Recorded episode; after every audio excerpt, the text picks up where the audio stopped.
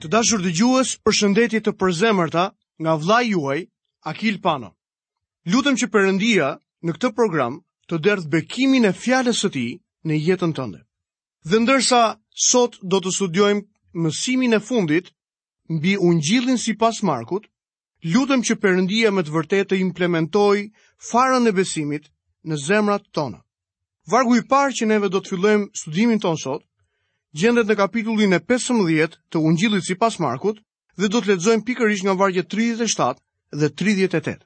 Por Jezusi si lëshoi një britmë të madhe dha frymën. Atëherë veli i tempullit u ça më dysh nga maja deri në fund. Ai nuk vdiq për shkak se organet e trupit të tij refuzuan të funksiononin. Përkundrazi, Zoti Jezus e dorëzoi vetë shpirtin e tij në duart e Perëndisë. Çarja e velit u dëshmua në mënyrë të qartë nga shumë priftërinj. Ora 3 ishte ora e sakrificës së mbrëmjes dhe ata po shërbenin në tempull në atë moment. Kjo duhet të ketë ndikuar shumë tek ata. Sidoqoftë më vonë, shohim se shumë priftërinj i besuan Krishtit si shpëtimtari i dërguar nga Perëndia. Ndërkaq fjala e Perëndisë po përhapej dhe numri i dishepujve po shumohej fort në Jeruzalem. Dhe një numër i madh priftërinjsh i bindej besimit. Ky varg na zbulon se shumë priftërinj besuan tek Zoti Jezu Krisht. Ne sot kemi çdo arsye për të besuar se disa prej tyre kanë qenë në tempull duke shërbyer gjatë kohës së kryqëzimit dhe ata panë ndarjen e velit nga lart poshtë. Fakti që veli i tempullit u ça më dysh ndërsa Zoti Jezus jep frymën, nuk është rastësi. Të dy këto fakte shpallen së bashku në mënyrë specifike. Jezusi dha frymë. Ai nuk mund të vdiste për aq kohë sa nuk kishte dhënë frymë. Ai nuk vdiq për arsye se organet e tij trupore refuzuan të funksiononin. Zoti Jezus e dorëzoi vetë shpirtin e tij. Ai vdiq sigurisht ndryshe nga të gjithë ne. Më ka ndodhur të jem pranë disa njerëzve kur kanë qenë duke u larguar nga kjo jetë. Ata kanë një trokitje të vdekjes. Gjëja e fundit që ne si njerëz përpiqemi të bëjmë është të zgjasim frymëmarrjen tonë. Ne e duam atë frymëmarrje të fundit, ndërsa Zoti Jezus nuk bëri kështu. Ai e la shpirtin e tij të ikte. Kjo gjë e bëri vdekjen e tij të ndryshme edhe nga ana fizike. Pikërisht në atë moment, veli u nda më dysh. Veli flet për anën njerëzore të Krishtit. Libri i Levitikut na jep më shumë kuptim për velin, sepse bën fjalë për shërbimin në tabernakull. Ai na tregon për anën njerëzore të Krishtit dhe kjo bart një mesazh të jashtëzakonshëm. Ana njerëzore e Krishtit ose jeta e tij na ndante nga Perëndia. Jeta e tij e pamëkat na tregon se sa e mëkatshme është jeta jonë. Në momentin që Jezusi vdiq, veli u ça. Vdekja dhe jo jeta e tij, miqtë mi, na sjellin tek Perëndia. Lexojmë më poshtë vargun e 39.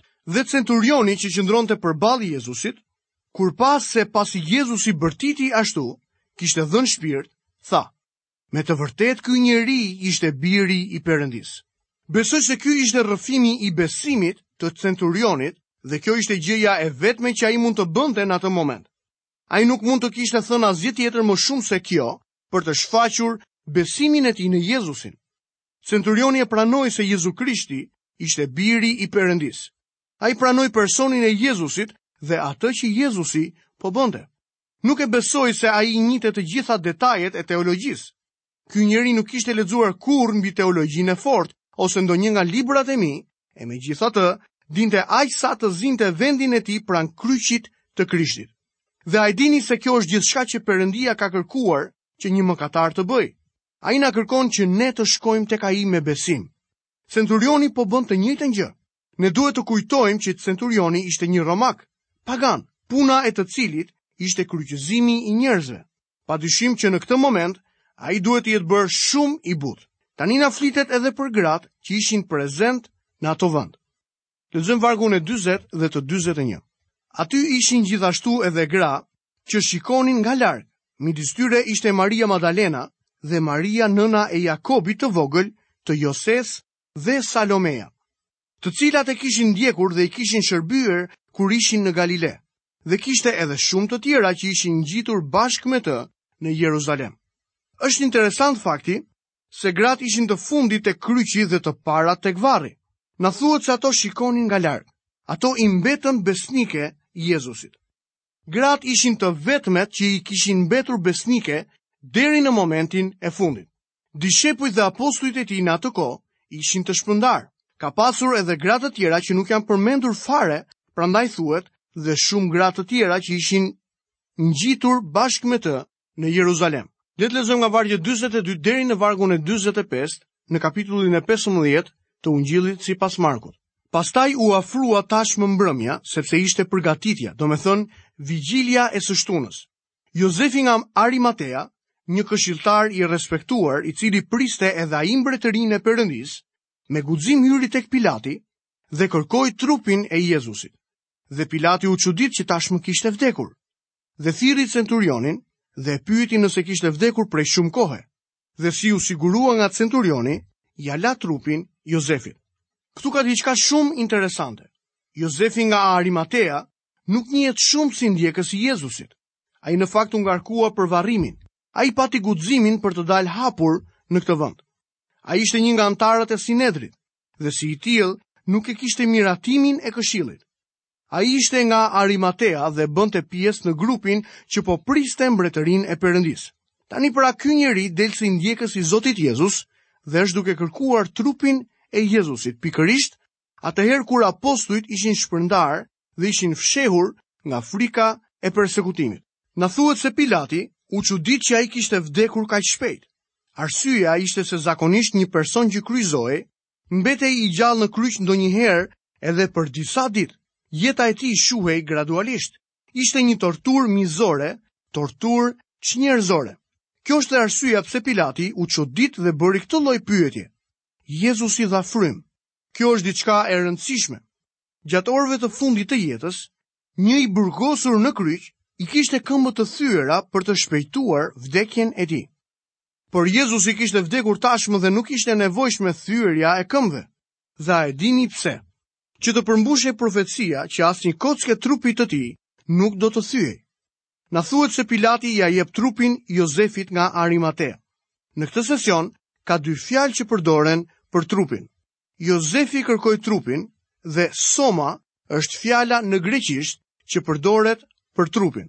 Pilati ia dha atij trupin dhe fjala që përdoret për fjalën trup në këtë fjali është ptoma, dhe kjo fjalë është sërish një fjalë greke. Fjala e parë flet për një personalitet të plotë dhe është një fjalë përkujdesjeje dhe butësie. Ndërkohë që fjala që përdori Pilati kur dha trupin thjesht nënkupton kufomën ose trupin pa jetë. Ka pikëpamje dhe qëndrime të ndryshme në lidhje me vdekjen dhe trupat e atyre që kanë vdekur. Fjala që përdori Jozefi nga Arimatea ishte një fjalë butësie për trupin. Ai kërkonte Jezusin dhe Pilati ia dha, i dha trupin e tij të pajetë. Çfarë ndryshimi që është ky? Miqtë e mi, Zoti Jezus është i vetmi që mund të vendosë ndonjë vlerë mbi ju. Edhe pse unë dhe ti nuk e meritojmë, ai pagoi një çmim të jashtëzakonshëm për shpengimin tonë. Ne flasim brenda këtyre trupave, por edhe trupat tanë duhet të shpengohen. Do të vijë një ditë kur ne do të provojmë shpengimin e trupave tanë.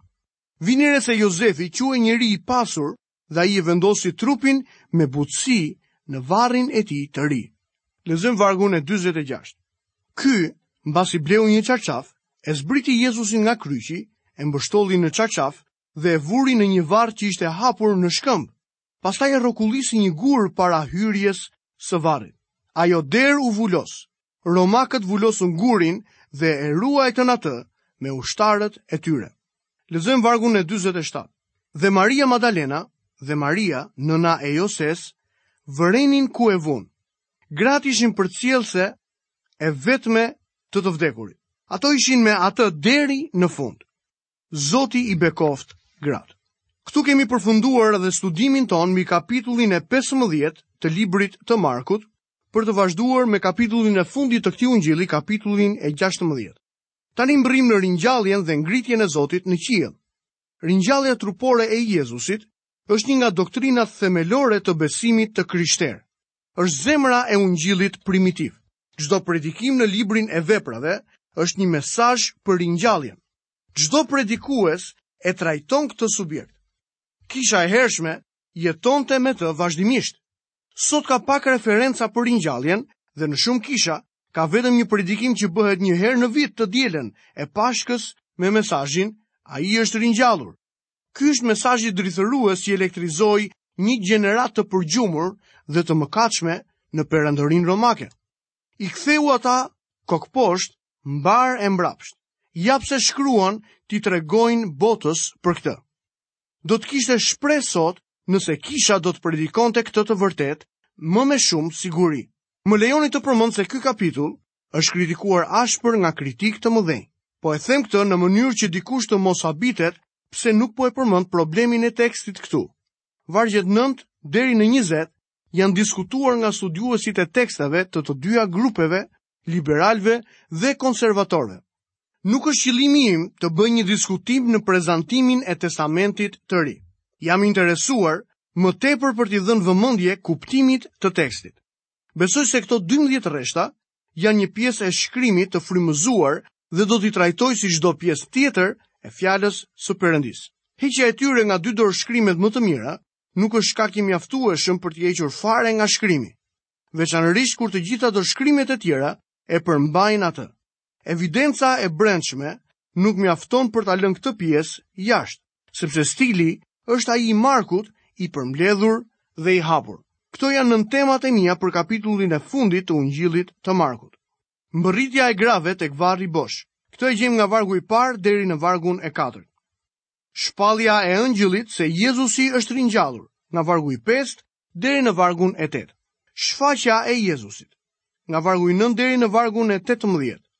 Ngjitja e Jezusit nga vargu i 19 deri në vargun e 20 të kapitullit të 16 të Ungjillit sipas Markut. Tani do të lexojmë në vargun e parë të kapitullit të 16. Si kaloi e shtuna, Maria Magdalena dhe Maria, nëna e Jakobit dhe Salomeja, blenë aroma për të shkuar të vajosin Jezusin. Kjo është e diela në mëngjes, dita e parë e javës. Ato nuk mundën dot ta vajosin trupin e tij. Maria nga Betania nuk e harxhoi kot vajin e saj, por këto gra po, sepse ato e sollën atë tek varri. Jezusi ishte larguar, ai ishte i gjallë sërish. Lexojmë nga vargu i dytë deri në vargun e katërt. Në mëngjesin e ditës së parë të javës, shumë herët, ato erdhën tek varri kur po lindte dielli dhe thoshin në mes tyre, kush do të na rrokullisë gurin nga hyrja e varrit. Por kur ngritën sytë, panë se guri ishte rrokullisur tashmë, megjithëse ishte shumë i madh. Dita e sabatit mbaroi me perëndimin e diellit të shtunën. Ato i kishin siguruar erëzat pak kohë pas perëndimit të diellit, në mënyrë që të dielën herët në mëngjes të mund të shkonin tek varri. Të njëtat gra që ishin prezent tek kryqi, i shohim tani të vijnë tek varri. Mendoj se është e saktë të deklarosh që gratë ishin të fundit tek kryqi dhe të parat tek varri. Dishepujt mendonin se meqenëse Jezusi kishte vdekur, ishte më mirë të qëndronin të fshehur derisa i gjithë zemërimi të fashitej dhe ata të mos ishin më në rrezik. A synonin ata të shkonin tek varri? Nuk ka asnjë evidencë që të mbështesë një qëllim të tillë. Duket sikur asnjë prej tyre nuk kishte si qëllim të shkonte tek varri. Ishte herët, me lindjen e diellit, këto gra donin të vajosnin trupin e Jezusit me erëzat që kishin sjellë. Ato ishin të vetëdijshme për vështirësinë e hyrjes në varr. për shkak të gurit tek dera. Ato shohin se vështirësia e tyre u zgjidh me faktin se guri nuk ishte tek dera. Trupi i Jezusit nuk ishte aty gjithashtu. U duk një lajmëtar qiellor me shpalljen e parë të ringjalljes. Fakti se varri ishte bosh është provuar dhe vërtetuar. Kjo gjë mund të pranohet fare mirë edhe nga një trup gjykues, Le të lexojmë vargun e 5 deri në vargun e 7. Hynë pra në varr dhe panë një djalosh që ishte ulur në të djathtë, të veshur me të bardha, dhe mbetën të trembura, dhe ai u tha atyre: Mos u trembni. Ju kërkoni Jezusin Nazareas, që ka qenë kryqëzuar. Ai u ringjall. Nuk është këtu. Ja vendi ku e kishin vënë. Por shkoni dhe u thoni dishepujve të tij dhe Pjetrit se ai po ju pararend në Galile. Atje do ta shihni ashtu siç ju pati thënë. Për të studiuar faktet e varrit bosh, duhet t'u referohemi të katër ungjijve. Disa nga faktet ndodhen tek ungjilli sipas Mateut dhe disa të tjerë tek ungjilli i Gjonit. Pikërisht tani duhet të citoj një deklaratë të bërë nga Lordi Lyndhurst, kancelari i lartë i Britanisë së Madhe në vitin 1846 dhe punonjësi i lartë i Cambridge-it. Ai ka thënë, unë e di shumë mirë se çfarë dëshmie është ajo e ringjalljes së Krishtit. Po ju them se një dëshmi e tillë si ajo e ringjalljes është e papërsëritshme dhe nuk ka për të ndodhur kurrë. Grave u thuhet specifikisht që të shkojnë dhe t'u raportojnë dishepujve. Engjëlli sigurisht që nuk do të priste që dishepujt të vinin aty. Ai i dërgon tek ata. Jezusi do t'i takojë dishepujt më vonë në Galile, ashtu siç u kishte premtuar. Kapitulli 21 i Gjonit na tregon për takimin e mrekullueshëm të tyre. A mund ta imagjinoni habinë e këtyre grave? Ato mbetën pa fjalë. Dhe kjo në fakt nuk më duket vendi i përshtatshëm për Markun për të mbyllur kapitullin e tij këtu, ashtu siç pretendojnë disa kritikë. Lexojmë vargun e 8. Dhe ato dolën shpejt dhe ikën nga varri, sepse i zuri tmerri dhe habia, dhe nuk i thanë asgjë kurrkujt, sepse kishin frikë. Tani mbërrijmë në atë pjesë që nuk është përfshirë në dorëshkrimet, por për të cilën ne besojmë se është fjala e Perëndisë. Lexojmë nga vargjet 9 deri në vargun e 12. Tani Jezusi, pasi ishte ringjallur në mëngjesin e ditës së parë të javës, iu shfaq së pari Marisë Magdalenë, nga e cila pati dëbuar shtatë demonë. Dhe ajo shkoi dhe ua tregoi atyre që kishin qenë bashkë me të, të cilët ishin të pikëlluar dhe e qanin. Por këta, kur dëgjuan se ishte gjallë dhe se u pa nga ajo, nuk i besuan. Mbas këtyre gjërave, iu shfaq në trajtë tjetër dyve prej tyre që po shkonin në fshat. Marku na e bën shumë të qartë se nuk po ndjek një radhë kronologjike në ungjillin e tij. Por tani shohim që ai po flet kronologjikisht. Jezusi iu shfaq së pari Maria Madalenës, por dishepujt nuk e besuan. Pas kësaj, iu shfaq dyve prej tyre, gjatë rrugës së tyre për në fshat. Luka na jep ngjarjen e atyre të dyve duke shkuar për në Emaus. Lexojmë vargun 13 dhe 14. Edhe ata shkuan dhe ua treguan të tjerëve, por as këtyre nuk u besuan. Në fund iu shfaq të njëmbëdhjetëve, kur ishin në tryezë dhe i qortoi për mosbesimin e tyre dhe për ngurtësinë e zemrës, sepse nuk u kishin besuar atyre që e kishin parë të ringjallur. Mund të shihni që Marku nuk përfshin detaje, por deklaron rendin e ngjarjeve që raporton. Lexojmë vargun e 15. Pastaj u tha atyre: Dilni në mbarë botën dhe i predikoni ungjillin çdo krijese. Ky është një veprim ungjilli. Ai po u thotë atyre të hidhen në veprim. Ata duhet të dilnin, dhe meqenëse ra fjala, ai na thotë sot se ne duhet të jemi burra dhe gra të veprimit. Çfarë po bën ti sot për të predikuar fjalën e perëndisë? Miqtë e mi, kjo është dhe puna jonë sot. Ti duhet të kesh një pjesë në predikimin e fjalës së Zotit sot. Lexojmë vargun e 16. Ai që beson dhe është pagëzuar, do të jetë i shpëtuar, por ai që nuk ka besuar, do të jetë i dënuar. Ai nuk thotë se nëse nuk je i pagëzuar do të dënohesh. Ai nuk po thotë se pagëzimi është i domosdoshëm për shpëtimin, por që personi që është i shpëtuar duhet të pagëzohet. Është mohimi i Krishtit që sjell dënim të përjetshëm. Tek ungjilli sipas Gjonit në kapitullin e 3 dhe vargun e 36 ne shohim. Kush beson në birin, ka jetë të përjetshme. Kurse kush nuk i bindet birit, nuk do të shohë jetë, por zemërimi i Perëndisë qëndron mbi të. Lexojmë vargjet 17 dhe 18. Dhe këto janë shenjat që do t'i përcjellin ata që do të besojnë në emrin tim, ata do t'i dëbojnë demonët. Do të flasin në gjuhë të reja, do t'i kapin me dorë gjarpërinjtë dhe nëse do të pinë diçka që do të shkaktojë vdekjen, nuk do t'u bëjë asnjë të keqe. Do t'i vënë duart mbi të sëmurët dhe këta do të shërohen. Nëse doni të pranoni ndonjërën prej këtyre dhuratave si shenjë, ju duhet t'i merrni të gjitha. Unë do të isha i lumtur të përgatisja një formulë koktejli dehidratimi, nëse ju do të mund ta pinit atë. Për çfarë e kam fjalën? Këto shenja kanë ndjekur predikimin e ungjillit. Fjala e Zotit e predikuar është ndjekur gjithmonë nga shenjat, çudirat dhe mrekullitë. Le të lexojmë nga vargjet 19 dhe 20. Zoti Jezus pra, mbasi u foli, u ngrit në qiell dhe u ul në të djathtë të Perëndisë. Pastaj ata dolën dhe predikuan kudo. Ndërsa Zoti bashkëvepronte me ta, dhe e vërtetonte fjalën me shenjat që e shoqëronin. Amen. Me anë të kësaj deklarate të shkurtër, Marku na prezanton faktin e madh të ngjitjes dhe shërbesës së Zotit Jezus në të djathtë të Atit Perëndi. Dishepujt dolën për të predikuar Ungjillin çdo krijese dhe Zoti bashkëvepronte me ta dhe vërtetonte fjalën me shenjat që e shoqëronin. Mos harroni vëllezërit e mi, ungjilli i Markut është ungjilli i aksionit, i shumë veprimeve. Le të jemi edhe ne burra dhe gra të veprimit për Zotin. Të dashur dëgjues, këtu kemi mbërritur dhe në fundin e programit të sotëm. Dhe fundi i këtij programi mbyll edhe ciklin e studimeve tona të bëra mbi tërë ungjillin sipas Markut. Jam shumë mirënjohës Perëndisë që përgjatë gjithë kësaj serie studimesh keni qëndruar së bashku me mua për të pranuar fjalën e Zotit dhe për t'iu bindur kësaj fjale që ka fuqi të transformojë dhe të ndryshojë jetët tona.